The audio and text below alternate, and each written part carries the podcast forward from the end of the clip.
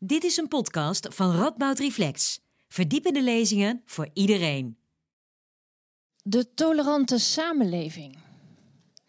Daar gaan we het vanavond over hebben. Daar bent u, hoop ik, allemaal voor gekomen. Um, maar het leek me zo'n thema waar iedereen wel een mening over hebt, heeft. Dus ik dacht, voordat we gaan beginnen met achteroverleunen en luisteren, ga ik eens even een kleine poll doen. Ik ben namelijk heel benieuwd wie van u zou zeggen: um, Nederland is een tolerante samenleving. Wie zou zeggen ja?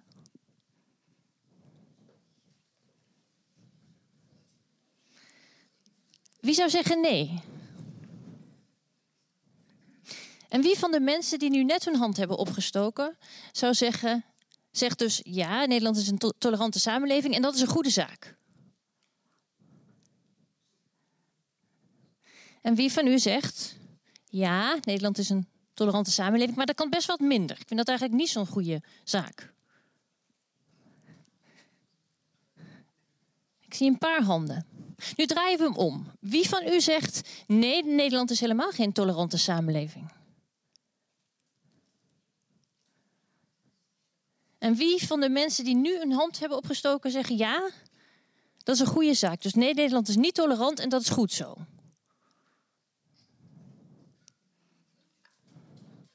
Niemand, geloof ik. Of ik kijk er overheen.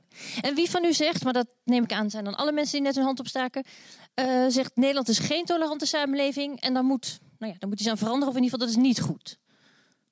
Ja, dat dacht ik al.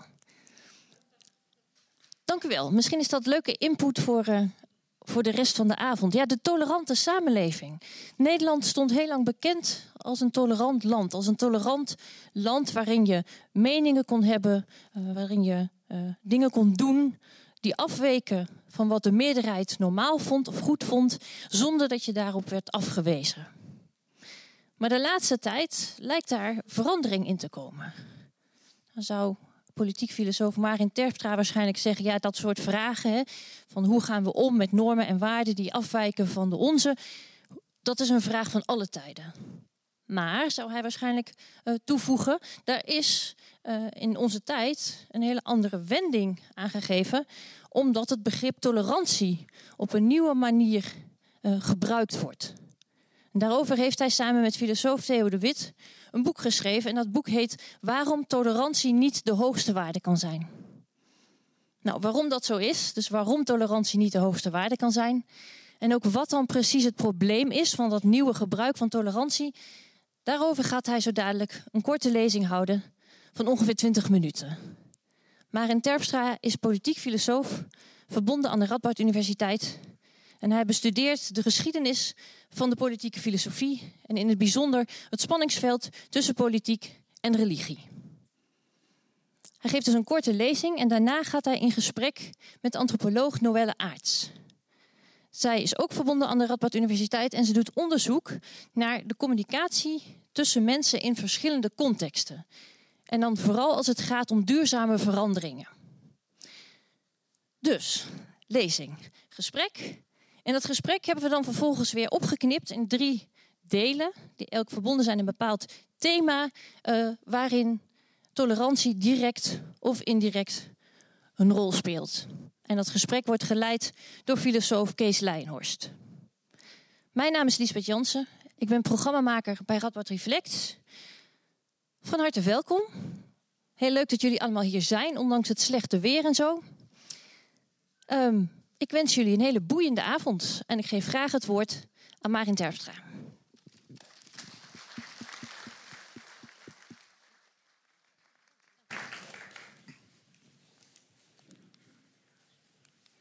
Zo. Ik kijk alleen maar aan de lamp nu. Goed, ik wil wat kanttekeningen plaatsen bij het uh, problematische begrip van de tolerante samenleving. En ik ga het nou niet hebben over wat u hier op dat plaatje ziet. Daar kunnen we misschien in het gesprek nog op uh, terugkomen. Waarin je twee groepen ziet die vooral bezig zijn elkaar uit te schelden. Uh, waarbij de, de tekenaar uh, in ieder geval nog een lichtpuntje zag. Namelijk dat ze nog tegen elkaar praten in plaats van alleen maar praten met mensen in hun eigen bubbel. dus hier gebeurt wat uh, als die bubbels elkaar van over de afgrond ontmoeten. Maar daar ga ik het nu niet over hebben.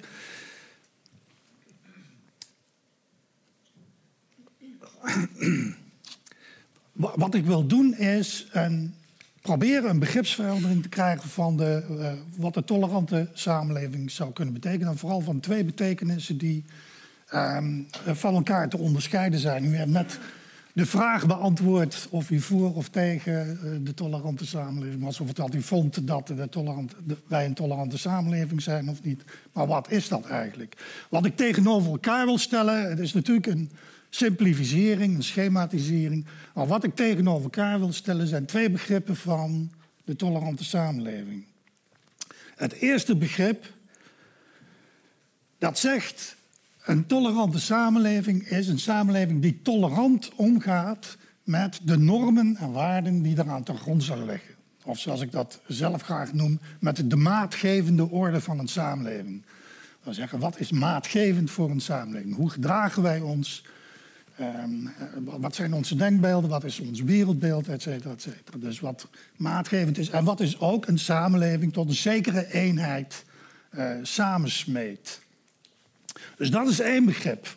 Tolerant omgaan met de normen, waarden, de maatgevende orde. Of datgene wat wij als heilig of als onaantastbaar uh, beschouwen. Het andere begrip van de tolerante samenleving is, is een samenleving waarin tolerantie de hoogste waarde is, of de hoogste norm is. En er dus geen hogere norm is dan uh, tolerantie zelf. Nou, mijn voorkeur gaat uit naar dat eerste begrip van, van tolerantie. Dat uh, zal, zult u uit mijn verhaal uh, denk ik wel kunnen opmaken. Maar ik zal proberen uh, te laten zien hoe, die, hoe dat eerste begrip naar dat tweede begrip is veranderd en wat daar de problemen van zijn.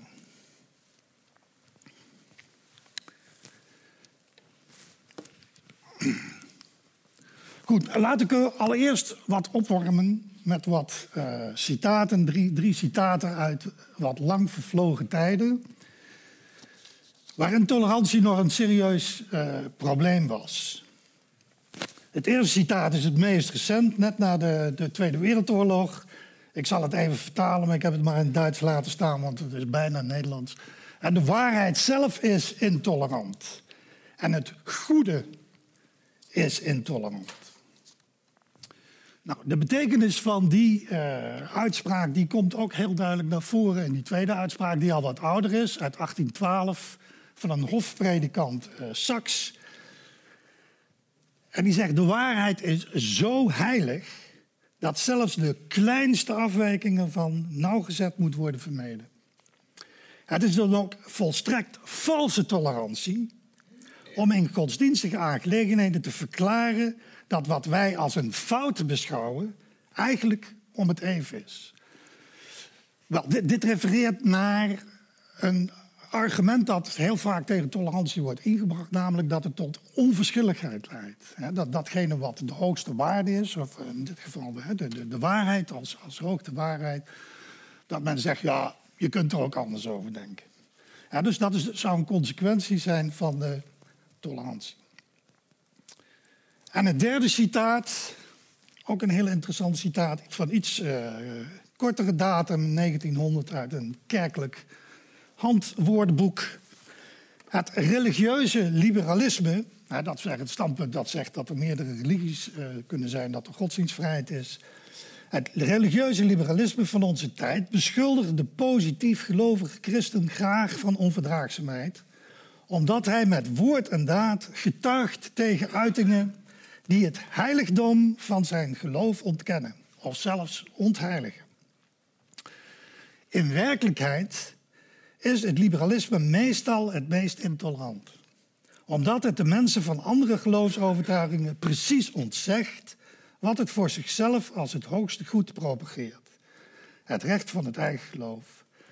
De ware verdraagzaamheid, dus tegenover de valse, de ware verdraagzaamheid en omgang tussen christenen wordt beschreven in Matthäus 17, 17, de eerste brief aan de Corinthiërs, 13, 7, de brief aan de Galatiërs, 6, 1 tot 1 en 2 en de brief aan de Efeze. Goed, je kunt hiervoor gelovige christen vandaag de dag moslim invullen en wat Koranteksten uh, aan het einde. En dan heb je weer een hele actuele uh, uitspraak, lijkt.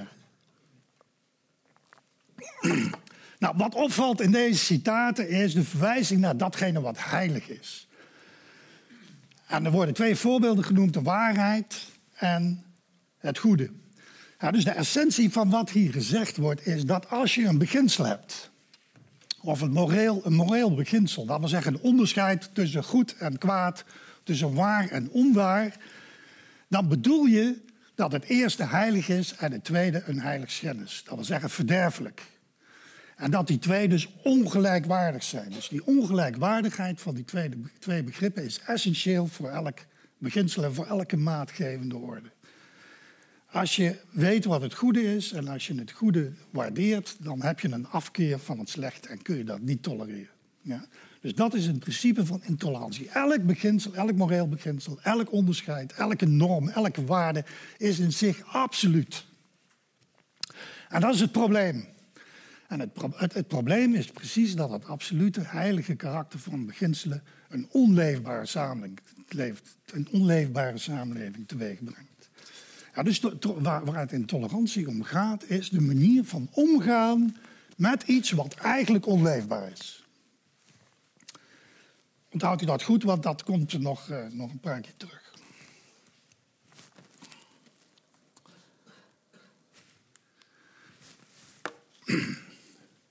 Goed, er is iets veranderd. Ja, dus, uh, in de inleiding werd al gezegd, er is een wending, en daar, daar gaat, gaat het boek ook over. Een wending waarin tolerantie overbodig lijkt te worden. Althans, dat is de stelling van uh, de Duitse uh, politicoloog Herman Lübe uit een boek over de religie na de, religie na de verlichting. Dat wil zeggen, de, dus het gaat over de veranderen de rol van religie in de moderne samenleving. Van de tijd dat religie de maatstaf was in de maatschappij. Naar een, naar een samenleving waarin godsdienstvrijheid heerst. En zijn stelling is, waar vrijheid van godsdienst bestaat, waar godsdienstvrijheid bestaat. Maar je zou dat kunnen veralgemeniseren naar een samenleving waar vrijheid bestaat. Is tolerantie overbodig. U ziet, dat, dat is de wending die teweeg is gebracht door de uh, beginselen van de Franse Revolutie, vrijheid, gelijkheid en broederschap. Uh, waarbij broederschap natuurlijk uh, inmiddels ook niet meer kan. dat is broederschap, zusterschap en nog wat. Um, en het interessante van het plaatje is ook, ik wijs er maar even op, is dat God nog toekijkt wat wij van deze beginselen maken. Goed, die beginselen van vrijheid, gelijkheid en broederschap zijn, in Nederland, zijn in Nederland verankerd in, in de grondwet. En we hebben een liberale grondwet, een grondwet die door de verlichting is bepaald. En het gaat mij met name om dat eerste artikel van de grondwet. Grondwet. Uh, Lubach die, heeft het daar gisteren ook nog over gehad, als u het gezien heeft. Maar ik zal het nog een keertje voor u uitleggen. Allen die zich in Nederland bevinden, worden in gelijke gevallen gelijk behandeld. Dat is een beetje een rare zin als je die letterlijk leest, hè, want die zin is evident onwaar. Er worden in Nederland een heleboel mensen in gelijke gevallen niet gelijk behandeld. Er is gediscriminatie. Ja, maar dit is denk ik juristentaal. En dit is een beschrijving van Nederland zoals het zou zijn wanneer iedereen zich aan de norm van de grondwet zou houden, wat niet het geval is. De norm staat daarna. Discriminatie.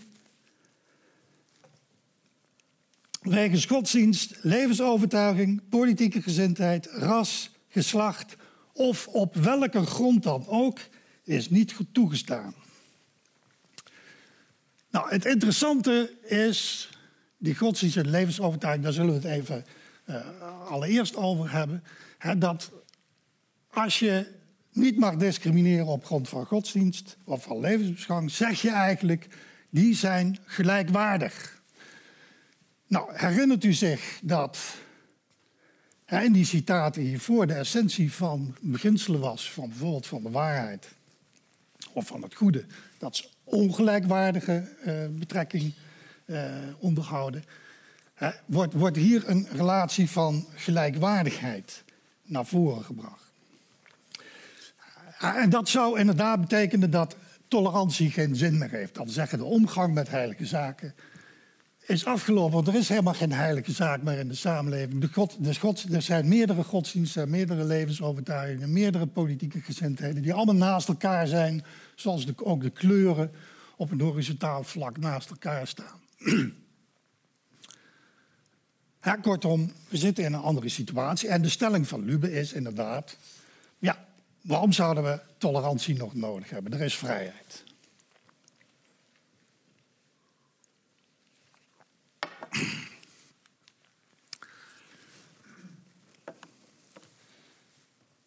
Goed, waar we afscheid van hebben genomen, ja, dat, is eigenlijk, dat is eigenlijk de stelling van, van zijn boek, is een samenleving, hè, zoals uh, hier ook in het plaatje staat, die met Gods wet of met Gods woord geregeerd wordt, waar er één maatgevende orde is vanuit één bron. En dus een situatie van ongelijkwaardigheid. Iedereen die daarvan afwijkt, die is sowieso verkeerd. Dat zijn ketters, dat is heterodox, et cetera, et cetera. Wel, daarvan hebben we afscheid genomen. En daarmee ook van het begrip tolerantie dat daarmee samenhangt. En we zijn overgegaan naar een. Uh, in die situatie van ongelijkheid is dus discriminatie rechtmatig, hè, want er is één uh, maatgevende orde. Niettemin zijn er uh, bezwaren aan in te brengen tegen de stelling van, van van eh, Herman Lube, namelijk dat daarmee ook aan tolerantie een einde zou gemaakt zijn. Ja, er zijn denk ik drie redenen te noemen waarom tolerantie een andere betekenis krijgt. Ja, en er dus op een nieuwe manier ongelijkwaardigheid of ongelijkheid wordt, uh, wordt ingevoerd. Ten eerste betreft dat het feit dat tolerantie tot een privaat probleem, tot een persoonlijk probleem, een probleem van individuen of tot een sociaal probleem wordt gemaakt en niet meer tot de samenleving als geheel behoort. er is geen maatgevende godsdienst eh, of maatgevende norm eh, in de samenleving, maar iedereen mag zijn eigen godsdiensten of levensovertuiging koesteren, mag niet gediscrimineerd worden. Ja, maar dat betekent wel dat de tolerantie verplaatst wordt naar de groepen die een bepaalde levensovertuiging, een bepaalde godsdienst hebben. Een bepaalde politieke uh, gezindheid.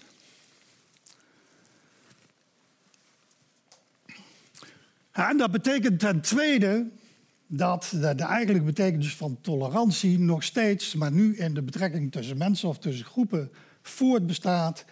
Namelijk dat groepen anders, de, de, de, de, andere groepen die anders denken of een andere politieke overtuiging hebben, tolereren. En als iemand tegen jou zegt, ik tolereer jou, nou, als mijn vrouw tegen mij zegt, ik tolereer jou, dan voel je je toch een beetje ongemakkelijk. Hè? Denk je, nou ja, ja je, je, weet, ja, dat deugt blijkbaar iets niet in mij, ik beantwoord niet helemaal aan haar ideaal. Maar ze zegt nog net niet, je mag je koffers pakken. Ja? Dat moment wordt nog even uitgesteld. Ja, dus eh, intolerantie blijft die betekenis blijft, blijft hangen dat het toch altijd een ongelijkwaardigheid uh, veronderstelt. En het derde bezwaar wat je tegen de stelling van Herman Lube kunt inbrengen, namelijk dat tolerantie overbodig is geworden, is dat eigenlijk in die grondwet er een nieuwe maatstaf, een nieuwe maatgevende orde wordt gecreëerd. daarom heet het ook een grondwet. Is een fundamentele, een fundamentele wet.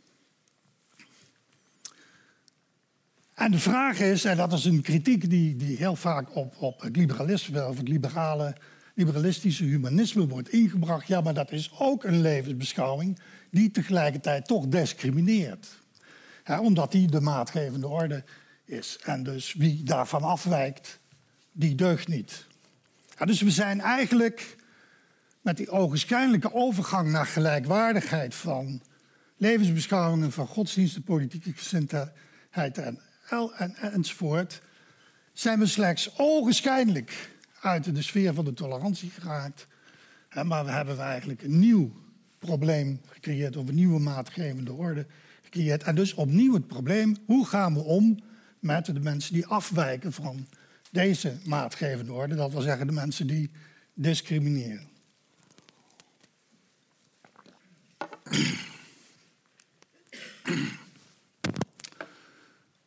Goed, dus het gaat om de tolerantie na de grondwet of de tolerantie na de beginselen van, van de verlichting. Ja, en je kunt daar eh, natuurlijk de vraag bij stellen, en dat zal misschien een vraag zijn die in de discussie terug kan komen, is die grondwet ook daadwerkelijk maatgevend? En Lubach maakte gisteren het grapje dat ja, de Tweede Kamer een motie had aangenomen waarin precies bevestigd werd dat er in Nederland niet gediscrimineerd mag worden, terwijl ja, dat staat al in de grondwet, dus waarom moet je daar een motie over aannemen? Maar de vraag is natuurlijk serieus of dat nog steeds de maatgevende orde is. Dat wil zeggen of alle Nederlanders dat grondwetsartikel ook daadwerkelijk onderschrijven. Het tweede punt, hè, dat heb ik eigenlijk al, al in, het derde, in het derde kritiekpunt op, op Lube aangegeven. Opnieuw stelt zich de vraag: hoe gaan we om met, met mensen die afwijken van die grondwet? Zijn we daar, tolereren we die of worden die flink uh, aangepakt. En de derde vraag die je kunt stellen is hoe ver we eigenlijk gaan met onze tolerantie en of werkelijk alles een vrije kwestie is, wat natuurlijk samenhangt met het uh, vorige punt. Goed, ik kom tot, tot een, een samenvatting en eigenlijk de kern van. Uh, hoeveel heb ik nog? Jeetje. Vijf, of vijf minuten. Vijf minuten, oké. moet ik even tempo maken. Ja, dus even een kleine reclameboodschap tussendoor. Dus, dit is het boek dat ik samen met Theo de Wet heb geschreven. Uh, koopt het allen, het is een, prachtig boek. En, en, de stelling die daar natuurlijk in alle uh, uitgebreidheid wordt uitgewerkt en van details uh, wordt voorzien. Ja, en, dat is een uitleg van de, van de titel. Maar het boek gaat eigenlijk over de omgang met heilige zaak. Goed. Als u mij tot nu toe gevolgd heeft, dan heeft u begrepen dat ik eigenlijk zeg: tolerantie heeft te maken met twee onderscheidingen. En de eerste onderscheiding, daar begon ik met die citaten mee: het goede en het kwade. Dat is het onderscheid. En het kwade is een afwijking, of zoals dat vaak wordt gezegd, een negatie van het goede. Dus dat is het eerste onderscheid. Dat is het basale onderscheid van alle tolerantie. Als je dat weglaat, dan heeft het begrip tolerantie geen, uh, geen zin meer. En de tweede onderscheiding is van al die afwijkingen, van alles dat niet voldoet aan het ideaal of de norm of wat dan ook, daar moeten we afvragen wat tolereren we wel en wat tolereren we niet. Dus in feite met die twee onderscheidingen heb je in feite creëer je een situatie waarin tussen het goede en het kwade, tussen waarheid en onwaarheid, een grijs gebied ontstaat. Een gebied, gebied van tolerantie, die klein kan zijn. Er worden maar een paar afwijkingen getolereerd, maar die ook groot, groot kan zijn en steeds groter kan zijn. En die zelfs zo groot kan worden dat die norm en de afwijking verdwijnt. Dan zijn er überhaupt geen afwijkingen meer. Dan betekent tolerantie niets anders dan vrijheid, blijheid. Ja, leven de verschillendheid. Leven het feit dat iedereen anders is. Dat is allemaal heel goed. En dan verdwijnt dus de. verdwijnt dus de norm. Nou, dat betekent ook dat tolerantie eigenlijk een secundair begrip is. Dus altijd gerelateerd is het tweede, is altijd gerelateerd aan het eerste, aan de eerste onderscheid. En daarom maken we, dat was een, een begrip dat in de 17e eeuw ontstond in Nederland, een onderscheid tussen de preciezen, ja, de mensen die aan dat eerste onderscheid willen vasthouden, en de rekkelijken, die probeert een tussengebied te, creëren. Dat wil zeggen de mensen die streng zijn in de leer of de mensen die vrijzinnig zijn. En wat gebeurt er nu als tolerantie de hoogste waarde is? En dan, volgens deze definitie, betekent dat dat intolerantie niet meer getolereerd wordt. Ja? En dat, we dus, dat iedereen die ergens in gelooft, iedereen die overtuigd is van een waarheid of van een bepaald moreel beginsel, ja, die is eigenlijk niet tolerant.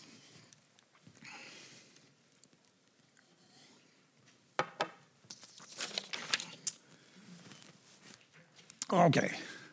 Nou, hier ga ik heel snel doorheen, maar dat is misschien iets voor de, voor de discussie. Ik heb hier even op een, op een rijtje gezet wat de belangrijkste argumenten zijn in de geschiedenis om dat tweede onderscheid tussen wat in de afwijkingen getolereerd wordt en wat niet, om dat te, bepalen. dat zijn uh, economische motieven en persoonlijk voordeel. dat zie je nog steeds in de politiek als het over mensenrechten gaat, of in de economie en verhouding economie en politiek als het over mensenrechten gaat. Ja, mag je investeren in landen waar de mensenrechten geschonden worden? Ja, dan moeten we om economische redenen moeten we dat maar tolereren. dat ze daar een beetje afwijken van wat wij doen. Kunnen ook onvoldoende middelen zijn om een norm te handhaven in de maatschappij. Of een samenleving kan geen zin in hebben om het conflict aan te gaan met degenen die afwijken. Of degenen die afwijken hebben een noodzakelijke rol in de maatschappij zelf. Dus er zijn allerlei, wat ik maar noem, opportunistische, pragmatische redenen om tolerant te zijn en niet al te streng te zijn. Maar er zijn ook principiële redenen, die zijn eigenlijk veel interessanter. En dat is het besef van de menselijke feilbaarheid en onwetendheid. Dus als je, je kunt wel scherpe normen hebben, en dat zullen we straks in de discussie, zullen we, zullen we dat ongetwijfeld zien terugkomen. Als je een scherpe norm hebt, dan moet je altijd de vraag van de Heer Jezus stellen. Wie, wie zonder zonde is, die werpen de eerste steen. Nou, we weten allemaal dat we zondaars zijn. en dat relativeert als het ware ons, onze verhouding, onze betrekking tot dat absolute van die morele norm. Vergelijkbaar is de onzekerheid over de toepassing en interpretatie van de maatgevende orde. We zijn allemaal mensen. En onze oordelen die zijn uh, natuurlijk altijd onzeker. We weten nooit precies wat de feiten zijn, et cetera. Dus het toepassen van normen is op zich problematisch en vraagt dus om een bepaalde tolerantie. Ook een heel belangrijk argument is tolerantie als geduld van mensen die afwijken of die uh, verkeerde dingen doen. Oké, ja, die doen dan verkeerde dingen, maar misschien moeten we ze tijd geven om betere mensen te worden. Daarom hebben we de doodstraf afgeschaft en zetten we mensen in de gevangenis met een heel programma om ze weer te socialiseren. Dat is een vorm van, van tolerantie. Belangrijk, eh, een van de belangrijkste argumenten is ook dat je overtuigingen, hè, mensen die afwijken van, van het heersende denken, ja, die kun je niet dwingen om anders te denken. Mensen denken nou eenmaal op een bepaalde manier. En tenslotte een heel uh, belangrijk argument is dat de overwinning van verschillen, of van kleine verschillen in een kleine groep, de groepseenheid versterkt ten opzichte van een, een vijandige groep of een groep waarmee je uh, in, in strijd bent. Goed, is allemaal heel kort uh, en snel natuurlijk, maar uh, ik kom bij de laatste dia. Hopelijk mag dat nog.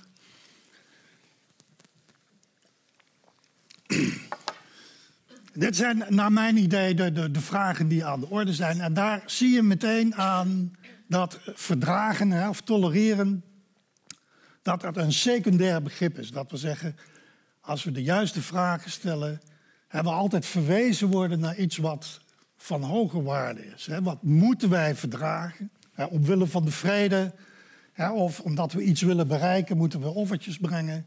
We moeten geduld hebben. En dus dingen verdragen die hè, vanwege ons ongeduld uh, last veroorzaken. Of uit onzekerheid. Maar de vraag is ook, behalve wat moeten we verdragen, dus dat is de plicht of de deugd van tolerantie moeten we ons ook blijven afvragen wat mogen wij niet dulden. Ja, dus de meningsverschillen over tolerante samenleving en niet-tolerante samenleving, ja, die kun je niet in zijn algemeenheid beantwoorden. De vraag is, wat moeten wij verdragen en wat mogen wij niet verdragen? Ja, wat is zo belangrijk of zo heilig of zo onaantastbaar in onze samenleving dat we niet kunnen toegeven aan afwijking? En dat, dat, betreft dan de maatgevende orde zoals de grondwet of heilige zaken of de democratie. Uh, daar heb ik nou geen tijd voor om dat te verdedigen, maar dat is eigenlijk wat in het boek vooral verdedigd wordt. Een bepaalde opvatting van democratie, die, die is heilig. En dat vereist tolerantie. maar we mogen niet dulden dat die democratie wordt, wordt aangetast. dat, straks komt, nou, ik zal het niet verklappen, maar dat komt allemaal nog aan de orde. Een, vraag die eigenlijk totaal anders is, waar ik dus nou niet op inga, maar straks in de discussie misschien wel. Dat is een verwijzing naar het kunnen. Wat kunnen wij verdragen? En dat gaat eigenlijk meer over het, de systemen die wij zijn, als individu, als levend wezen, of als groep, of als samenleving, of als ecologisch systeem in de wereld. Er zijn gewoon, dat, met dat kunnen kun je een soort objectief criterium uh, ontwikkelen. Waarin je zegt, ja oké, er zijn grenzen aan de vrijheid, er zijn grenzen aan wat we allemaal kunnen doen, omdat we anders ten onder gaan. Ofwel als individu, hè, hoeveel alcohol kun je verdragen bijvoorbeeld, hè, maar hoeveel CO2 kan uh, het klimaat verdragen, et cetera. Dat gaat over de mogelijkheidsvoorwaarden van ons uh, bestaan. Maar ook daar komen we straks op terug. Sorry dat ik uh, veel te lang aan het woord ben geweest. Maar had nog veel erger gekund.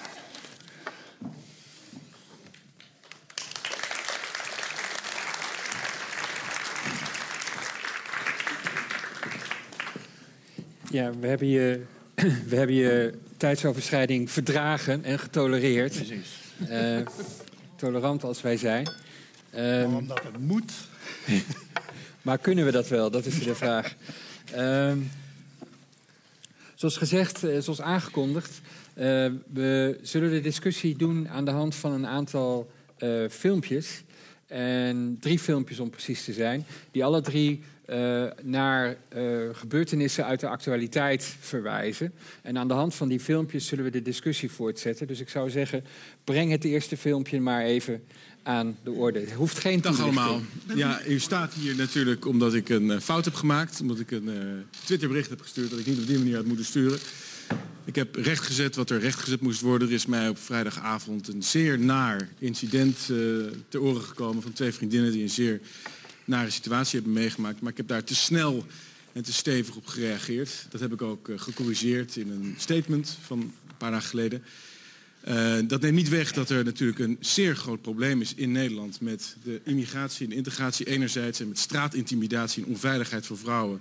Anderzijds, uh, gisteren werd nog bekend dat 81% van de jonge vrouwen in Amsterdam te maken heeft met straatintimidatie die problematiek, daar moeten we het over hebben. Dat is ook uh, waarom Forum voor Democratie voor een deel in de Kamer zit. Dat is waarom we hier zitten.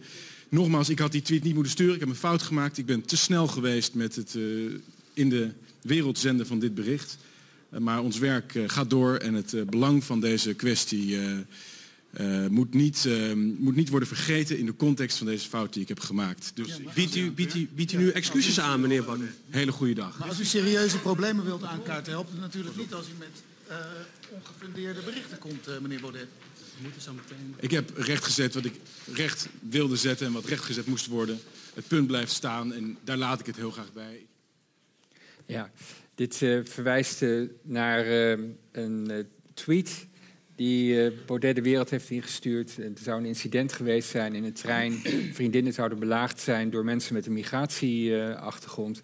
dat bleek helemaal niet waar te zijn. Het bleek om controleurs van de NS zelf uh, te, uh, te zijn... die bovendien ook geen migratieachtergrond hadden. Um, Baudet heeft dagenlang stilgehouden en uiteindelijk heeft hij inderdaad toegegeven dat hij te snel was. En dat doet hij op deze manier. Dat roept allerlei vragen over tolerantie op. Kun jij als antropoloog, communicatiedeskundige hier iets over zeggen? Ja, er vallen natuurlijk heel veel dingen op uh, als, je, als je dit, uh, deze, ja, ja, je kan het bijna geen excuus noemen. Maar nee, dat doet hij, niet. Hij, geeft dus geen zegt. excuses. Um, het is duidelijk dat hij, uh, nou ja, er is eigenlijk sprake van, ja, van, een, van een leugen die zou moeten worden rechtgezet. Hij biedt zijn excuses aan, maar maakt niet duidelijk wat voor eigenlijk. En wat hij meteen doet, is het koppelen aan een groot probleem in de samenleving... van dat vrouwen zich niet veilig zouden voelen en dat er uh, vanuit immigratie... dus hij koppelt meteen uh, toch aan immigratie... dat daar een heel groot probleem zou zijn. Dus dat, dat is het eerste wat opvalt.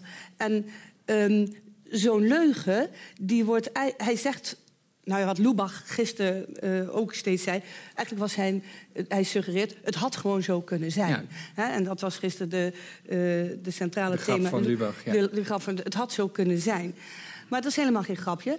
Want dat, dat gebeurt dus werkelijk. En dat doen we zelf ook heel vaak. Dat als we een bepaalde mening hebben... dan willen we die heel graag, uh, laten we zeggen, bevestigd zien. Vorig jaar is een artikel verschenen. En dat had letterlijk als titel It Could Have Been True. En daarin laten ze zien dat als mensen geconfronteerd worden met aperte leugens... dat ze dan allerlei eh, bewegingen gaan maken om die leugen te verklaren... zodat hun waarheid overeind blijft. Voorbeeld in dat artikel is dat... eh, het was evident dat bij de inauguratie van eh, Obama... veel meer mensen waren als bij Trump. Ehm, nou, als je mensen daarnaar vraagt die dus eh, pro-Trump zijn... dan krijg je verhalen te horen als van... ja, maar dat kwam omdat er zoveel mensen werden verwacht... dat ze de beveiliging hebben moeten opschroeven en daardoor enzovoort. Dus dat is heel vergelijkbaar met dit. Hè? Wij vinden het heel lastig om... eh, laten we zeggen, geconfronteerd te worden met andere gedachten. En dat raakt natuurlijk direct aan tolerantie. Want tolerantie gaat niet zomaar over acceptatie. Hè? Dat gaf Marin ook al aan. Bij tolerantie schuurt het. Het schuurt met andere waarden. Jij zegt met hogere waarden. En nou, onder andere, en dat is een tweede punt... Van waar eh, in dit Thierry Baudet natuurlijk ook heel vaak eh, naar refereert... is naar de vrijheid van meningsuiting. En dat schuurt in de wee. Want als je alles maar mag zeggen... dan zou je zeggen, nou, ik ben tolerant... want iedereen mag hier alles zijn, afwijkend. En ik, en ik op mijn woord mag ook alles zeggen. Maar daar ligt nog een waarde aan ten grondslag, zou je kunnen zeggen. En dat is de waarde van respect. Alle mensen verdienen respect, of alle wezens zelfs. En waardigheid. Dus er zit eigenlijk rondom dat begrip tolerantie... en als je ziet hoe het dan concreet wordt in dit soort situaties... het schuurt langs alle kanten. Maar wat schuurt er nou precies bij die vrijheid van meningsuiting? We hebben vrijheid van, mening, van meningsuiting. Baudet mag zeggen wat hij wil, toch? Ja, maar de tolerantie, er zijn heel veel definities van tolerantie. Hè? En een, een van de mooiste vind ik van eh, socioloog Kees Schuit. Die zegt, tolerantie is de, het onderdrukken van de neiging om te onderdrukken. Het staat dus op gespannen voet met, met, met, met vrijheid van meningsuiting. En de schuring is dat uh, we tolereren omdat we omdat de idee is, als we het niet tolereren, gebeuren er nog veel ergere dingen eigenlijk. Hè? En uh, als wij alles zeggen wat we willen en we beledigen mensen, hè, hier worden ook mensen hartstikke beledigd, hè, en we beledigen mensen, dan raakt dat mensen heel diep in hun identiteit. En dat doet dingen met, mensen. He, dan krijg je dingen als, als mensen aangetast voelen in hun eer, in hun identiteit. He, daar, kom, daar komt heel veel geweld vandaan. Mm -hmm. En alleen al daar schuurt het. Is, is, is dat respect, is dat een, inderdaad is dat een nieuwe heilige waarde? Is dat een nieuwe... Nou, ja, ik zat al net aan te denken, wat even verderop in het fragment. Ik heb even verder gekeken thuis. Um, vraagt Baudet hardop, ja, maar tegen wie moet ik dan excuses aanbieden? En dat is natuurlijk een ontzettend goede vraag, want die journalisten komen naar hem toe met het, je moet excuses aanbieden, ja. Waarvoor, aan wie, aan wie, wat? Mm -hmm. ja, dus ex excuses bied je aan, uh, aan iemand waarmee je een bijzondere band hebt. Ja, en waarvan je weet, ik heb die, hè, wat je zegt, ik heb diegene gekwetst of beledigd. Uh, maar hij heeft toch een hele maar, groep beledigd? Ja. Ja, maar goed, dus het gaat er even om. Waar, waarom moet hij zich uh, verontschuldigen? Tegenover wie? Wat is de rechtbank of de rechter of hè, de maat tegenover wie hij uh, moet. Ja, dus, de... Jij doet een suggestie van oké, okay, dan is blijkbaar de maatgevende orde in Nederland de vraag of individuen, mensen, zich gekwetst voelen. Ja? En in identiteit. Ja, dus dat, dat, is inderdaad iets wat je vandaag, wat, wat natuurlijk al een, een, tientallen jaren aan de gang is, en wat ook in de literatuur over democratie uh, wordt, wordt beschreven, hè, nog door Francis Fukuyama, hè, dat er een identiteitendemocratie ontstaan is. En dat is het gevolg van het eerste artikel van de Grondwet. Ja, want die heeft gezegd, iedereen heeft het recht op een eigen identiteit levensbeschouwelijk, politiek, geslachtelijk, wat dan ook. Dus die identiteit is, het resultaat van die grondwet is dat iedereen zich terug kan trekken op een identiteit en dat dat de hoogste norm wordt. En dat dus het klimaat ontstaat dat alleen maar omdat iemand zich beledigd voelt, ja, dat onmiddellijk Ja, maar- eist dat je excuses Ja, maakt. maar het probleem is dat wat wij niet doen daardoor, omdat iedereen zich op zijn eigen gevoel of norm of identiteit gaat beroepen, is je afvragen, wat is onze gezamenlijke identiteit? Nou vind ik uh, ook niet altijd een held en uh, grote voortrekker van, van die maatschappelijke discussie. Dus dan, hij, hij, hij maakt deel uit van het probleem, denk ik. Omdat hij op, eigenlijk op dezelfde manier redeneert. Van ja, ik heb mijn eigen identiteit, dus hmm. Anderen moeten dat maar respecteren. Ja, ik hoef die vragen niet te beantwoorden. Ja, dus hij, hij, zit in dezelfde bubbel als, als iedereen. Maar wat er verhinderd wordt, is de vraag: ja, is, is dit onze gemeenschappelijke norm? Mhm. En dat vraag ik me nog maar af. Maar het is inderdaad lastig, omdat tolerantie gaat over, niet over dingen die wel of niet mogen, want daar staat in de wet. Het gaat nou juist om dingen die strikt genomen wel geoorloofd zouden zijn. Het gaat om afspraken die wij met z'n allen maken over hoe willen wij met z'n allen leven hier in een samenleving die, uh, die per definitie bestaat uit mensen die er verschillend over denken, die andere achtergronden, andere belangen mhm. hebben. En hoe gaan wij daarmee om? En wat heel lastig is, hè, dat is dat intolerantie, soms is het evident, heel expliciet. En dan zeggen mensen, oh, mag niet beledigen en zo. Dat doet Baudet en heel veel mensen doen dat. En doen we allemaal misschien wel eens, maar dat, dat is het heel duidelijk. Maar intolerantie is ook heel vaak um, heel erg impliciet. De dingen worden niet, niet benoemd of half benoemd. Een voorbeeld is bijvoorbeeld van nou, dat mensen bijvoorbeeld zeggen van dat gebeurt heel veel in Nederland en daarbuiten. Weet je, je mag best homo zijn, hè? daar heb ik geen probleem mhm. mee. Maar ik wil niet dat je het laat zien. Hè? Dat is, heel, heel, dat is zo'n dingetje. Wat Baudet nu ook doet, dat, is allemaal heel impliciet. Dus dan kan hij zeggen, aan wie moet ik mij uh, excuses aanbieden? Nou, iedereen, de meeste mensen eh, vinden dat heel evident. Ja, aan de Marokkaanse gemeenschap, die heb je gewoon beleefd, beledigd. Maar omdat het impliciet en indirect is, daarom kan hij die vraag stellen. maar hij, hij, hij beschuldigt mensen toch gewoon hij, vals? Ja, dat, dat voelen we toch allemaal? Ja, nee, maar daar, dat, dat, maar daar geeft hij toe. Hij zegt, fout. Ja? Dus ja, de, hij heeft zich vergist. Nee, hij zegt niet, ik heb die mensen beledigd. Dat zegt hij dus dat niet. Zegt hij niet. Nee. Nee, maar als, het, als, als er het geval... Hè, dus dat is inderdaad wat het geval had... Als, als dit het geval had kunnen zijn, dan had hij niks fout gedaan. Dan had hij ook niet beledigd, maar dan had hij gewoon een, het probleem benoemd... wat naar zijn idee in de samenleving bestaat. Mhm. Hij heeft zich vergist. Dit was geen voorbeeld van datgene wat hij vindt dat er mis is met onze samenleving. Dat, dat is wat hij zegt, maar dat wil, wil niet zeggen dat er niet iets mis is met de samenleving. Dus ja, maar om die dingen hier met elkaar maar dat is geen brengen, daar ligt... Ja, maar, de, zeg maar, het probleem wat hij aan de orde stelt... Ik, ik speel even advocaat van de duivel, hè, maar um, Baudet in dit geval.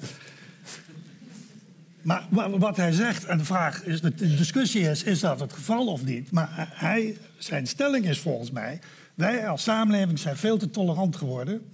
En we zijn met name veel te tolerant geworden. Omdat het Marokkanen zijn, zien wij van alles door de vingers. Ja, dat, dat is zeg maar, het verhaal wat sinds uh, eh, 20 jaar geleden over de multiculturele samenleving opgeld heeft gedaan. En wat grote delen van de Nederlandse burgers uh, uh, mee instemmen. Dus dat iedereen er zo over denkt, dat ben ik helemaal mee. we, we verschillen fundamenteel van mening over de manier waarop wij bijvoorbeeld moeten omgaan met mensen die, met een migratieachtergrond, et cetera, et cetera. Daar verdelen, verschillen we fundamenteel van mening over. En daar moet het publieke debat over gaan. En daar moeten we op een bepaalde manier uitzien te komen. Ja, maar... Maar, maar vind je ook dat we... Vind je dat zelf dan ook? Vind je dat we de, de intolerantie te, te veel zijn gaan tolereren? De intolerantie van de islam Ja, dat denk ik wel, ja. Nou, nee, nee wat, wat we zijn gaan tolereren, is dat we niet aan mensen durven komen. Dat, want dat is een beetje een sfeer die ontstaat. Dat je niet aan mensen mag komen hè, in, een identiteit. En dat je dus alles maar door de vingers moet zien. Mhm. Mhm. ja. Nou, dus of dat feitelijk klopt, wat er wordt. Ik, ik ben geen socioloog. Uh, dus of feitelijk zo is dat Marokkaanse jongeren meer uh, herrie schoppen dan andere jongeren. Dat, daar wil ik vanaf wezen. Maar, maar stel dat dat zo is, hè, er zijn ook wel getallen die daarop afwijzen. Dat heeft allemaal achtergronden en oorzaken, dat begrijp ik ook wel. Maar het feit ligt daar.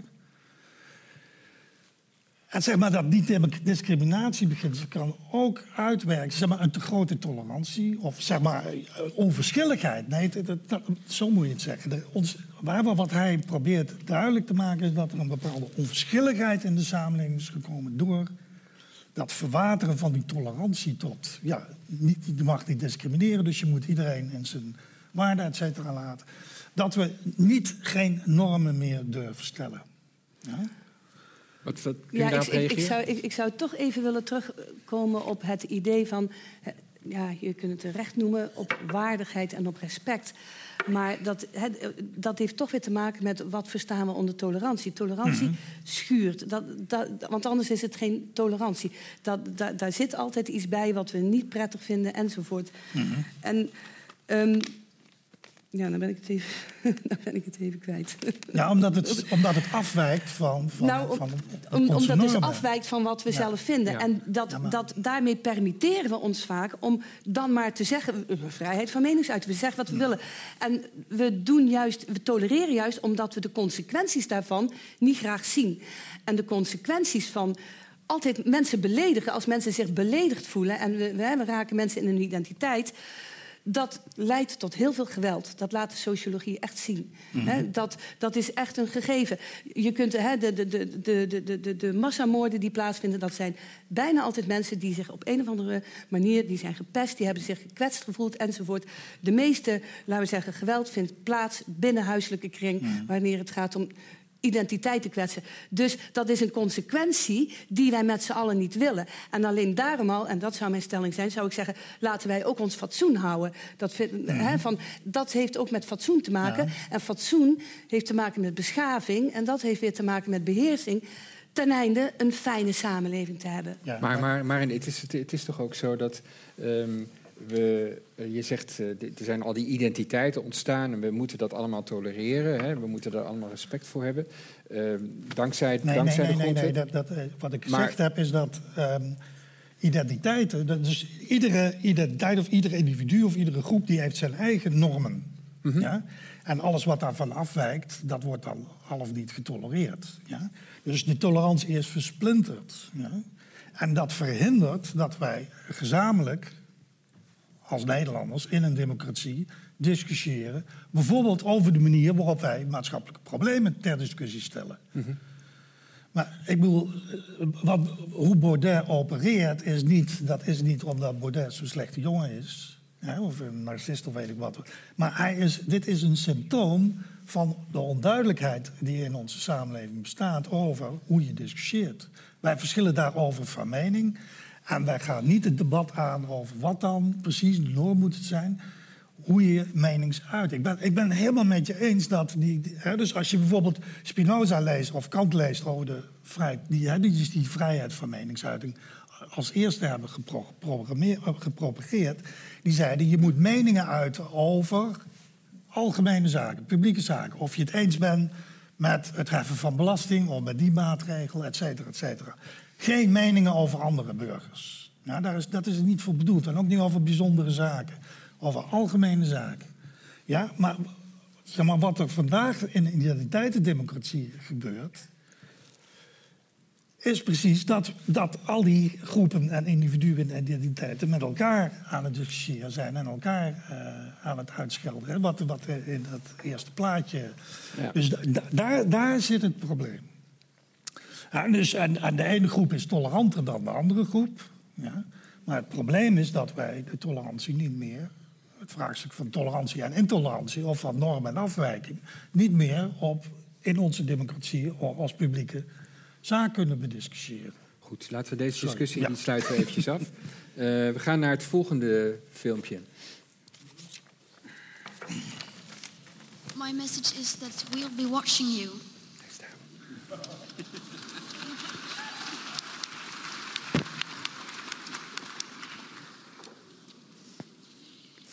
Is all wrong. I shouldn't be up here.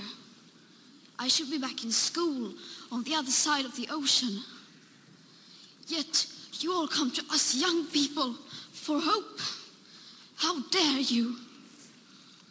You have stolen my dreams and my childhood with your empty words, and yet I'm one of the lucky ones. People are suffering, people are dying, entire ecosystems are collapsing. We are in the beginning of a mass extinction, and all you can talk about is money and fairy tales of eternal economic growth. How dare you? How dare you?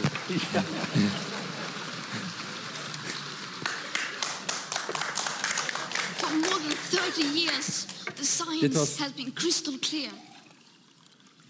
How dare you continue to look away and come here saying that you're doing enough when the politics and solutions needed are still nowhere in sight? You say you hear us and that you understand the urgency. But no matter how sad and angry I am, I do not want to believe that.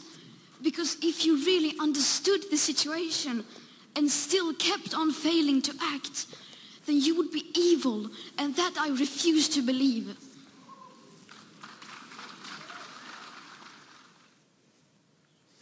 Ja, dit was eh Greta Thunberg, die de verzamelde, verzamelde Verenigde Naties uitscheldt.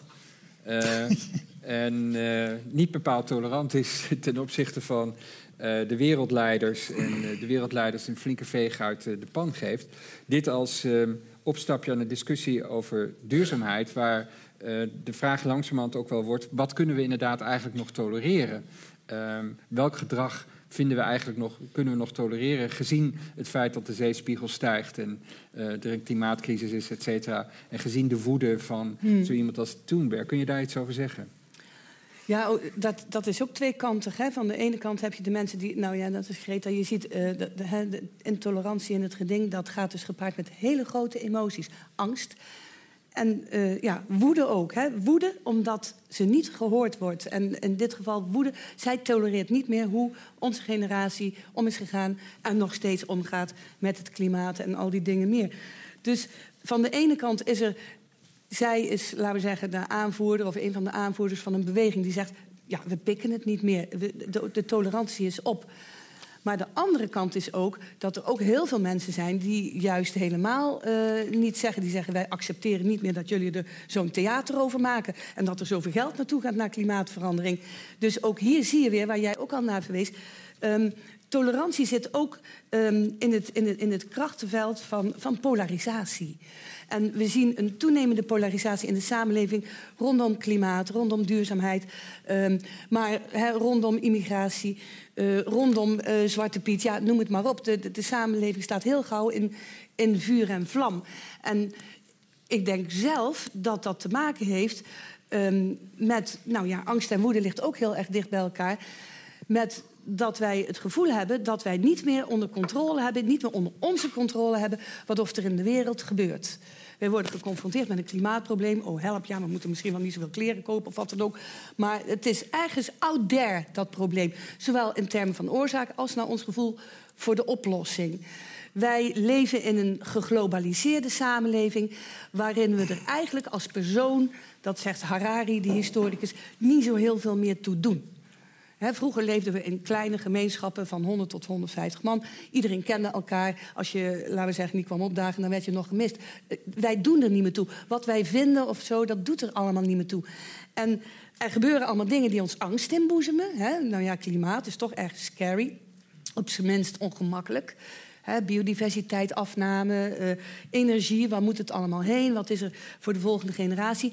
En ja, dat laat onderzoek ook wel zien. Naarmate mensen banger worden, worden ze ook minder tolerant. Dus ik denk dat hier wel een directe relatie Maar zit. vraagt de klimaatcrisis ook niet om het soort van intolerantie Nou, ik- wat Greta Thunberg eigenlijk... wel, want wij zijn eh, met z'n allen zitten we in een systeem. Ja, dan krijg je dus het systeem van dit is hoe wij hier met z'n allen de aarde regelen, hoe wij eh, onze goederen, hoe, hoe wij de aarde leegplukken. Ja, hè, van het, het- ja, toch, toch het grote kapitalistische systeem, wat op een of andere manier zichzelf continu reproduceert. Zichzelf doen wij elke dag.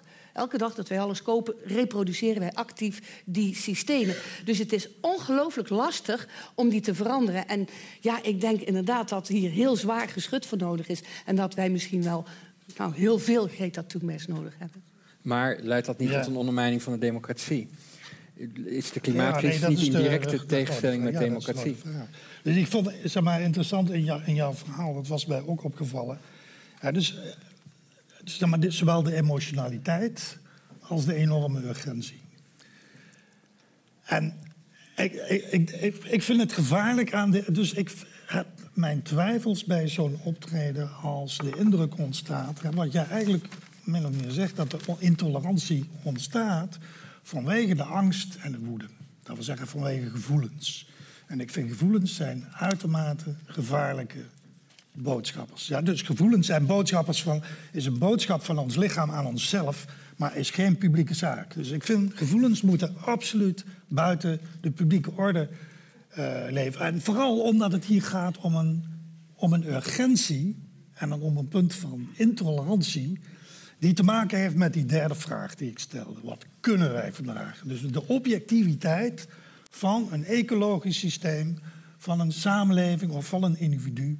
Er zijn grenzen aan, aan, aan hoe dat systeem, wanneer eh, een grens waarin dat systeem gewoon ten onder gaat, instort, et cetera.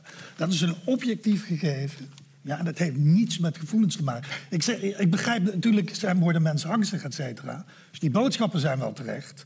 Maar de vertaling daarvan naar de, naar de maatschappij moet zijn... er is hier een absolute grens aan de orde.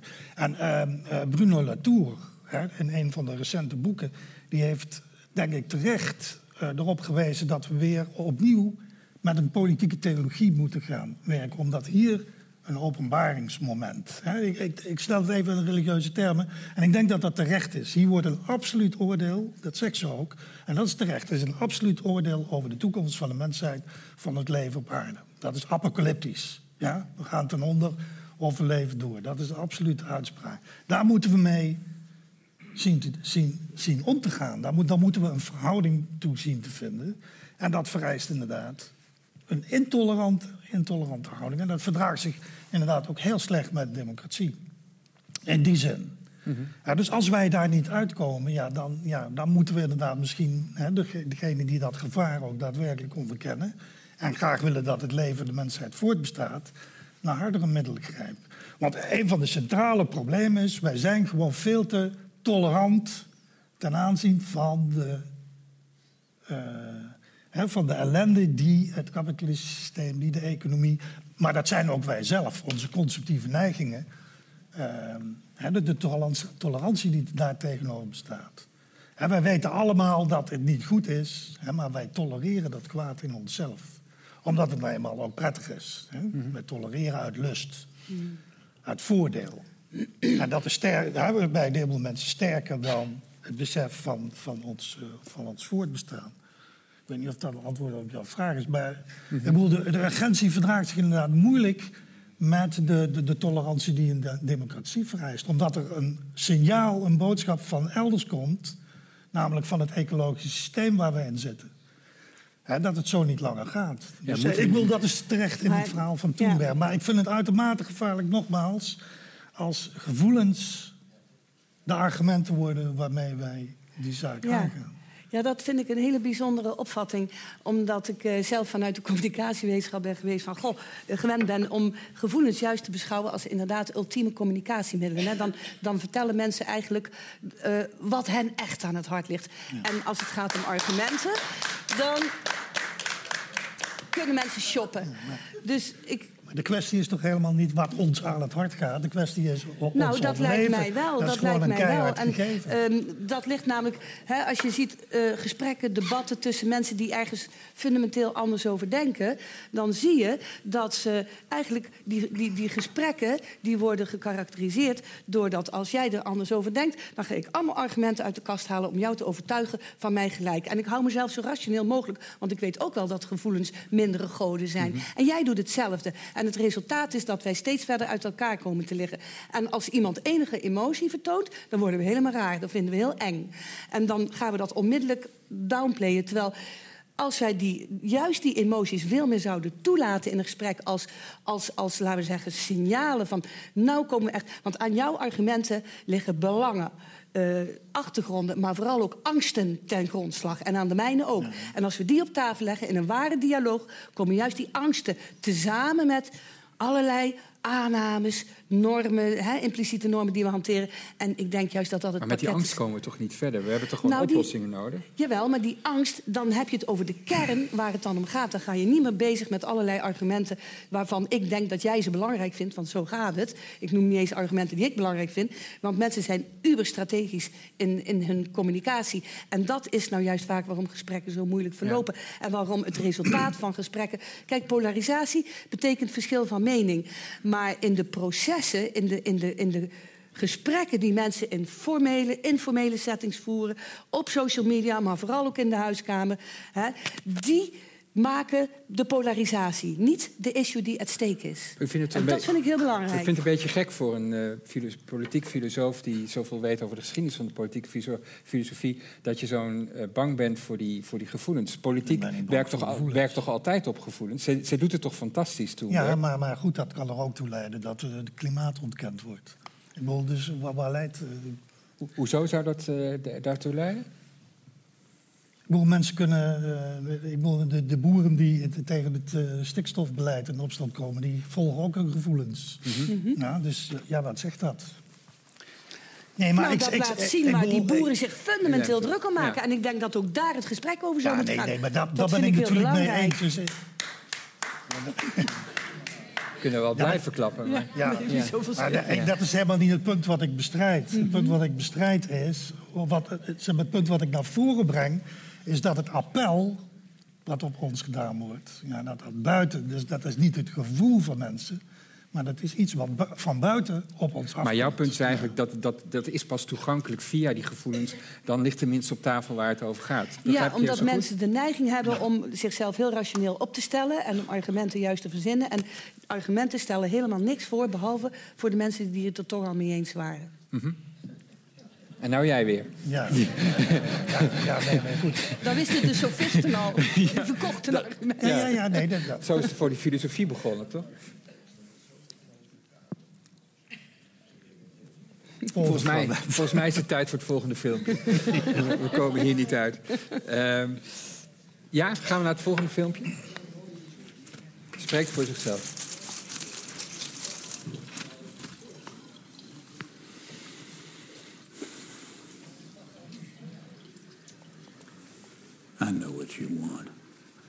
Oh, sure, they may have tried to separate us, but what we have is too strong. It's too powerful. I mean, after all, we shared everything, you and I. I told you my deepest, darkest secrets. I showed you exactly what people are capable of. I shocked you with my honesty, but mostly I challenged you and made you think. And you trusted me, even though you knew you shouldn't. So we're not done, no matter what anyone says. And besides, I know what you want. You want me back. Of course, some believed everything and have just been waiting with bated breath to hear me confess it all. They're just dying to have me declare that everything said is true and that I got what I deserved. Wouldn't that be easy if it was all so simple? Only you and I both know it's never that simple, not in politics and not in life. But you wouldn't believe the worst without evidence, would you? You wouldn't rush to judgments without facts, would you?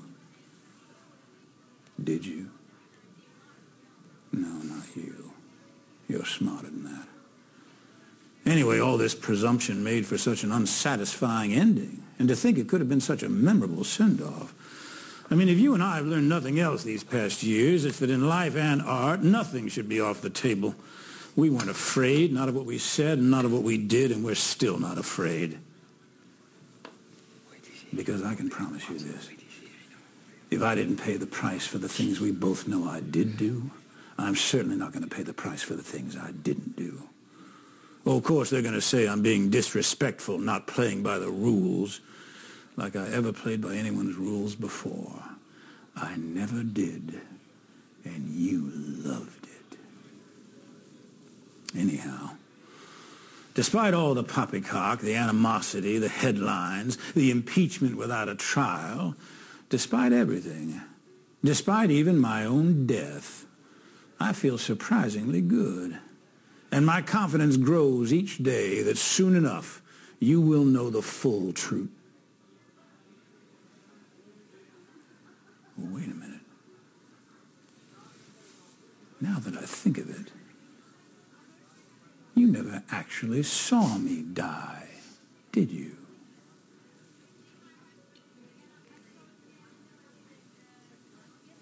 Conclusions can be so deceiving. Miss me?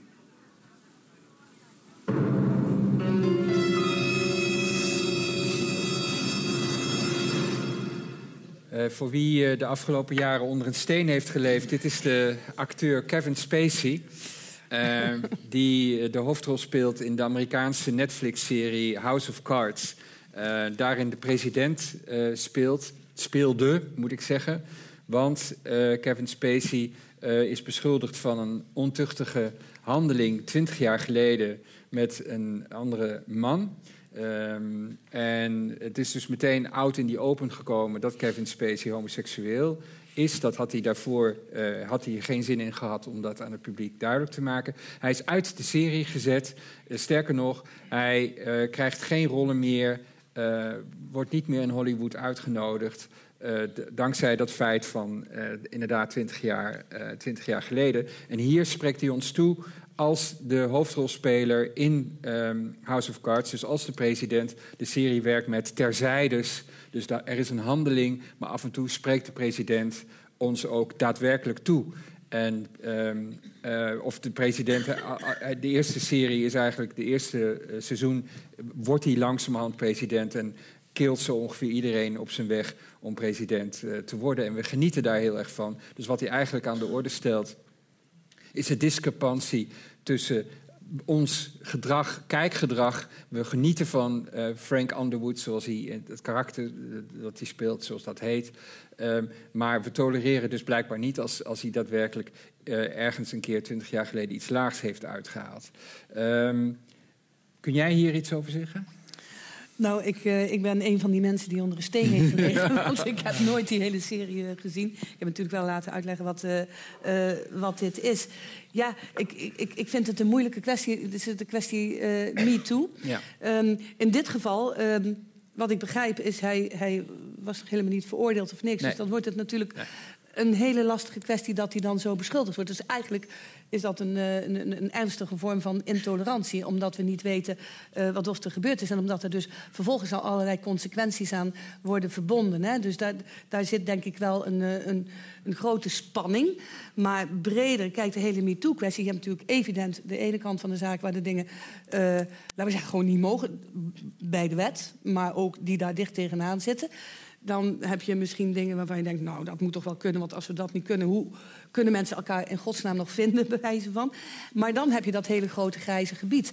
En dat is natuurlijk wel een hele lastige kwestie. En een, denk ook een hele belangrijke kwestie. Het zijn we door de MeToo. Uh, MeToo heeft de aandacht gevestigd op, op totaal intolera intolerabel gedrag, zeg maar.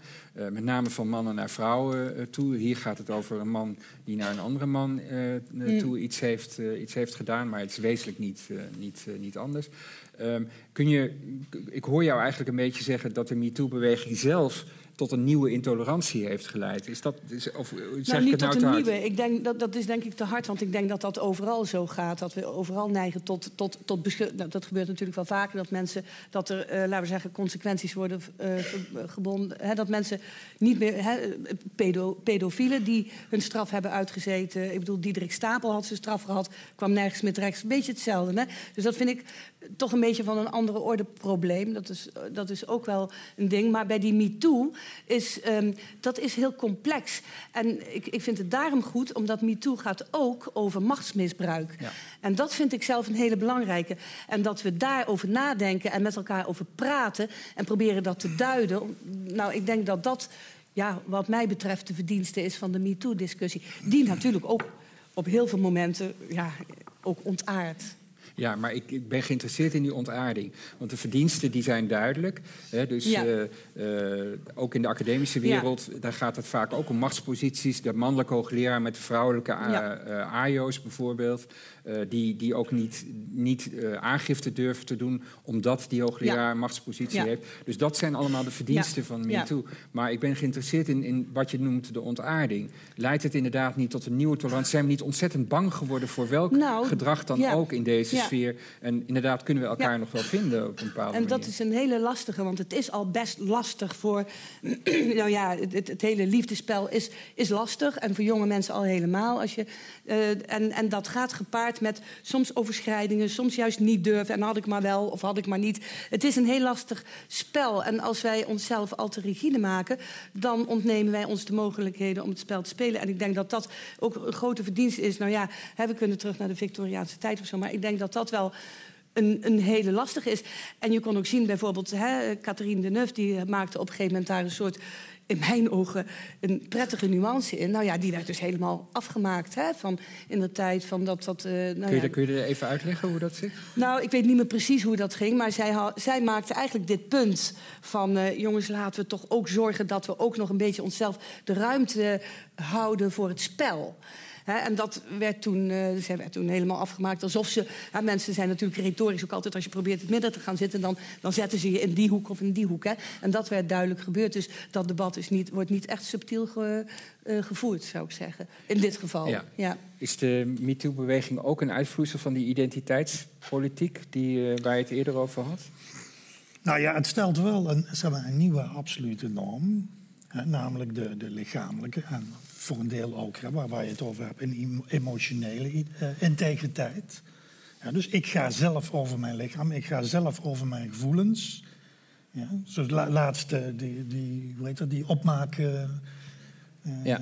influencer die, die aankondigde, hè, die op de televisie zei Ah, van... dat nou, transgender ik, ik beken nu of ik hè, zeg nu, Ja. ik ben, transgender. Maar dat ja. deed ze, dat was het interessante, omdat anderen het al hadden gezegd. Dus het ging niet alleen maar om Ja. de erkenning van, van transgender zijn, maar ook de macht hebben over je eigen beeld in de samenleving. Ja? En zeg maar, ehm, zeg maar, dat heeft wel te maken met, met een toenemende, ja, laten we zeggen, eh, terugtrekking van individuen op hun zelf gecreëerde en ook in, in media gepresenteerde identiteit, die met hand en tand verdedigd moet worden en waartegen elkegene die. Dat wordt een soort, oor- het is geen spel meer, het is een soort oorlog geworden. Van wie, wie gaat over, dus absolute autonomie, wie gaat over mijn eigen grens, mijn eigen zelfbeeld, mijn eigen zelfbeschrijving, et cetera, et cetera. En dat speelt denk ik in een MeToo-beweging. Dus zeg maar, speelt dat ook een rol. Hè? Want eh, als we dat even confronteren met, met de jaren 60 en 70, hè, met wat de seksuele revolutie eh, werd genoemd, en die zouden zeggen, men werd toleranter en zelfs extreem tolerant ten aanzien van, van seksuele normen. Zelfs zo tolerant dat er eigenlijk geen seksuele normen meer waren. En dat als het ware de overschrijding, hè, het niet beantwoorden aan de seksuele norm, een beetje de norm zelf werd. Je, je, trouwt niet, dat doe je niet. eh, hè, of eh, et cetera, et cetera. Je gaat met iedereen op wel wat voor geslacht of wat. eh. Hè, dus dat, dat was een soort, ja, andere extreem. Hè? Maar, maar eigenlijk is, is die MeToo-beweging wel een soort resultaat ervan. Want wat, wat daar gebeurt, is, wat daar gebeurd is, is dat iedereen ging nadenken over wat is mijn eigen lustbeleving. Ja? Wat vind ik leuk, wat vind ik niet leuk. En, en dat betekent ook dat je eh, assertiever wordt daarin. En dus gaat stellen. Dus niet meer accepteert inderdaad het spel of de overschrijding of ja, de dingen die nou eenmaal gebeuren als je een roes bent of wat. Hè? Dus dat dat niet meer geaccepteerd wordt en dat er een soort ja, zelfdisciplinering, zelfdisciplinering ontstaat.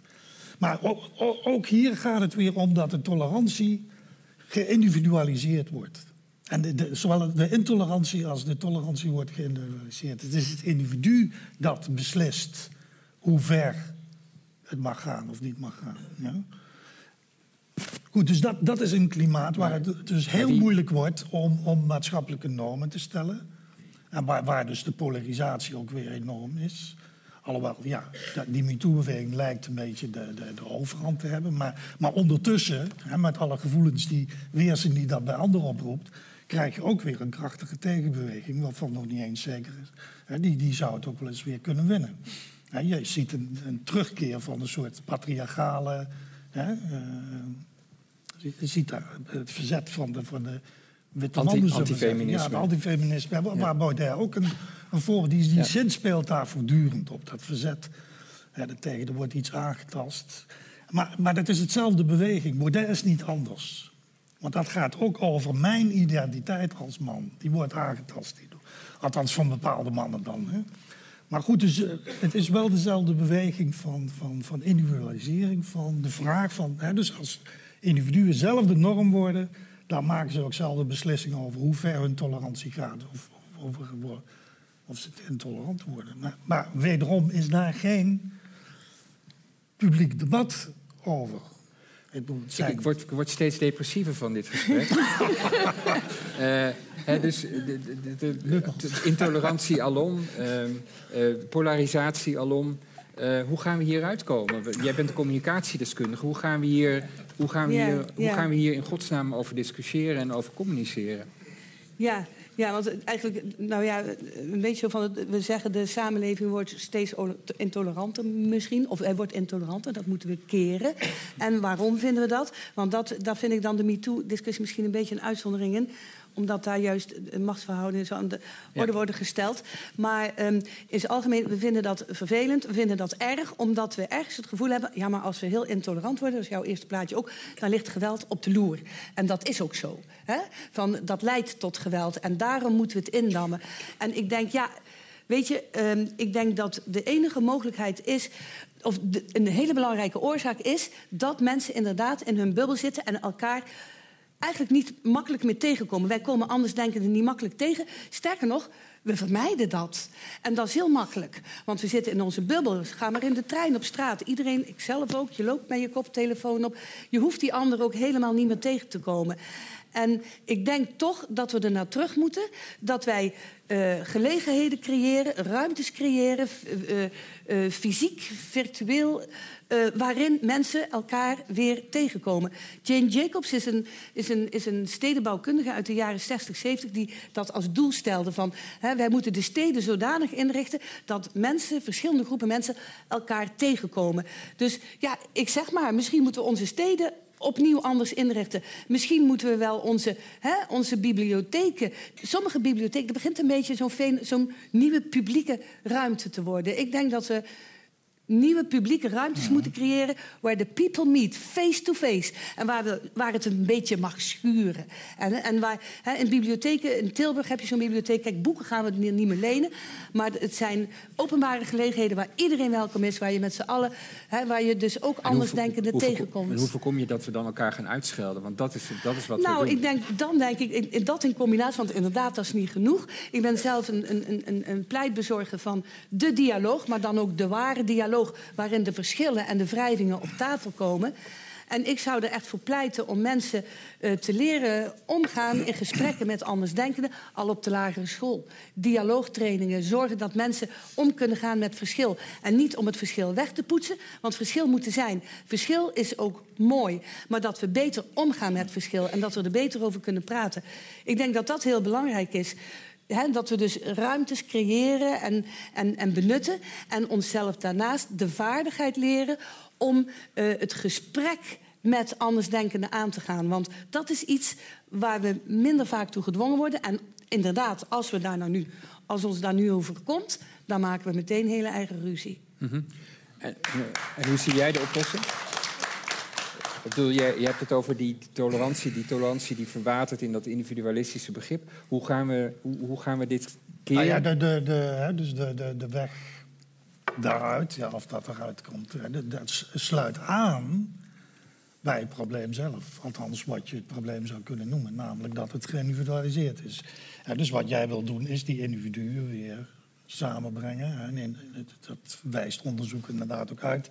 Als mensen met elkaar gewoon met elkaar omgaan, dat heeft een temperende invloed. Ja? Ja, want Zo- even- zolang, zolang, Sorry. ehm, zolang, nee, maar zo zolang dat, eh, d- er moet natuurlijk wel toezicht zijn. Hè, dus de hele individualisering gaat samen met, met toezicht, met, met discipline, met, met leermethodes, et cetera, et cetera. En in die zin denk ik dat je het eigenlijke probleem uit de weg gaat. Want dit veronderstelt inderdaad dat er die ruimtes komen... en dat die ruimtes niet witte en zwarte scholen zijn... waar, die, hè, waar, waar verschillende kinderen uit verschillende achtergronden met elkaar samengaan. Maar ik bedoel, daar moet je ook zorgen. En, maar dat is, dat is al 30, 30 jaar geleden hè, is dat geprobeerd. Hè? Die, die, die wijken proberen te creëren waar... eh, meerdere er zijn ook hele mooie en, en dat voorbeelden van gebeurt, dat gebeurt lukt, nog steeds om, om Ja. sociale woningbouw en, en dure villa's eh, in wijken te zetten. Dus ik bedoel, maar goed, dat is dan het beleid. Maar daar moeten we het dan wel over eens zijn. Dus de oplossing kan niet alleen maar zijn een of andere utopische gedachte van als we mensen bij elkaar zetten, et cetera, dan komt het wel goed. Als ze hun gevoelens, et cetera, dan elkaar leren kennen eh, in hun gevoeligheden. Noem maar op, dat, is allemaal, dat heb ik helemaal niet willen ontkennen, dat is allemaal heel belangrijk. Maar is er een publiek, publiek debat waar we tot overeenstemming kunnen komen dat dat ons regime is? Ja?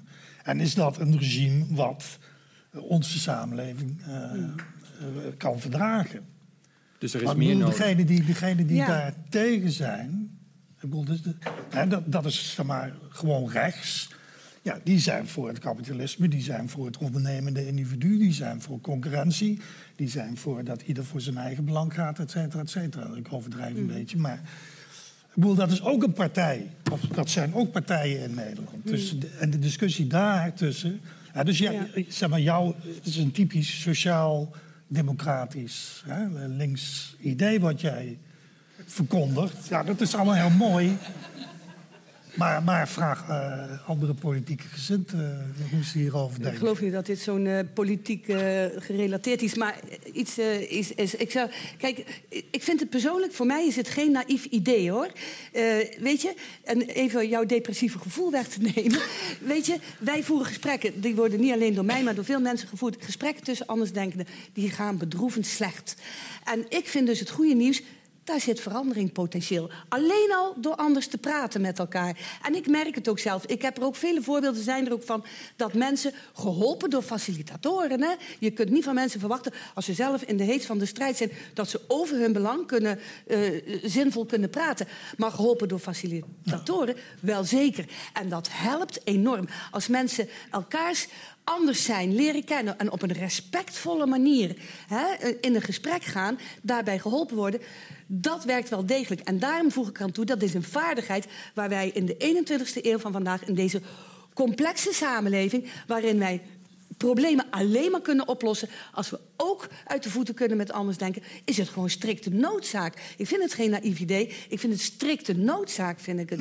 En ik denk ook dat we het kunnen leren. Er zijn voorbeelden genoeg van. En het is waar, dat zijn misschien wat postzegels, maar hoe meer we dat met z'n allen doen, dan worden dingen olievlekken en dan worden het, wat Foucault noemt, dominante discoursen. En waar wij vandaag over praten, dan wordt morgen werkelijkheid. Dus ik ben daar eigenlijk best op, optimistisch over. Maar ik zie wel dat we het moeten aanpakken. Kijk, jouw depressie is weg. De depressie is helemaal weg. Daar heb ik, ik heb helemaal geen pillen meer nodig. Ja, eh, Pep talk. Ja, nee, maar goed, als je naar de wereld Ja. kijkt, als je naar de wereld kijkt, zie, heb, heb ik helemaal niet het idee dat zeg maar, deze, hè, dit ideaal van een samenleving. Ik, bedoel, ik, heb, ik ben, ben er helemaal mee eens hoor, dus ik vind dat ook. Maar, de, maar als je gewoon realistisch kijkt naar, naar de wereld, dan zie je dat er een tegenovergestelde tendens naar een autoritaire samenleving, naar een samenleving die homogener eh, worden, althans waarin de minderheden weggedrukt worden, et cetera, die gaat helemaal niet richting dialoog. Die gaat Dus eh, ik bedoel, je kunt wel zeggen, ja, dat verspreidt zich als een olievlekje om elkaar. Eh, hè, dat verspreidt zich als een olievlekje en dan wordt het een dominant discours. Maar wat ik bedoelde te zeggen, er zijn andere krachten die ook als een olievlekje om zich heen gaan. En Dat als is ik, als ik waar. dat in Ja. de wereld zie, dan ben ik er helemaal nog niet zo zeker Ja. van om jou wat over de Dat is depressie toch weer te depressief. ja. Ik heb een optimist Dat dat en een pessimist. kant, eh, de We hebben een optimisme en een Maar als de crisis maar groot genoeg. Niemand had kunnen bedenken, al die geitenwolle sokken. Ik was 25 jaar geleden, begon ik ook als geitenwolle sok in Wageningen, weet je. We hadden met z'n allen niet kunnen dromen dat er... Nou ja, het is heel erg, want het is zo'n crisis... dat er zoveel aandacht en zelfs zoveel maatregelen... naar klimaat, biodiversiteit enzovoort zou gaan. Je kunt dat in die zin niet voorspellen. Maar we kunnen wel met z'n allen... Ik bedoel, Tuurlijk zit daar een idealisme in. Natuurlijk. Maar we moeten wel. En ik vind dat ook goed. Ja, als ze allemaal zeggen, nou, dan gaan we met z'n allen naar de kloten. Nou, dat vind ik toch echt niet acceptabel. Nee, nee, dus nee, nee, nee, daarom, je- we kunnen ook een beweging beginnen met z'n allen. En dan kan je nog eens onverwacht tot grote hoogte komen. En er zijn ook veel basisscholen die dit oppakken. Hè? De, de dialoog, ik geef zelf ook dialoogtrainingen. Ik ken mensen, voor mij is het niet mijn core business, maar ik ken mensen voor wie het core business is, die kunnen het niet aan. Weet je? Dat Maar- zegt ook wat. Maar als Trump hier gezeten had, Ja. wat had je dan? En die gaat de volgende verkiezingen gewoon weer winnen. Hè? Ja. Dus dat is duidelijk. Ja. Dat Ja. weten we allemaal. En die twittert gewoon terug. Maar misschien die daarna wel terug. niet. Hè? Ja. Dat weet je niet. Ja. Ja. Ja. Maar je blijft optimistisch. Nou, dat is ik wel- vind, je dat hebt geen keus. Dat vind ik. En ik ontmoet gelukkig ook veel mensen met mij. En dat vind ik heel fijn. Dat geeft dan ook eh, de burger moed. Oké. Althans in die bubbel, hè? ja. Ja. Ehm, het is Nou, tijd... maar ik ga ook wel graag het gesprek aan met anders denken. Nou, ja. dat zat ik Ja. hier niet. Allereerst een grote dank aan onze sprekers, Noelle Aarts, Marin Terpstra. Groot applaus voor hen.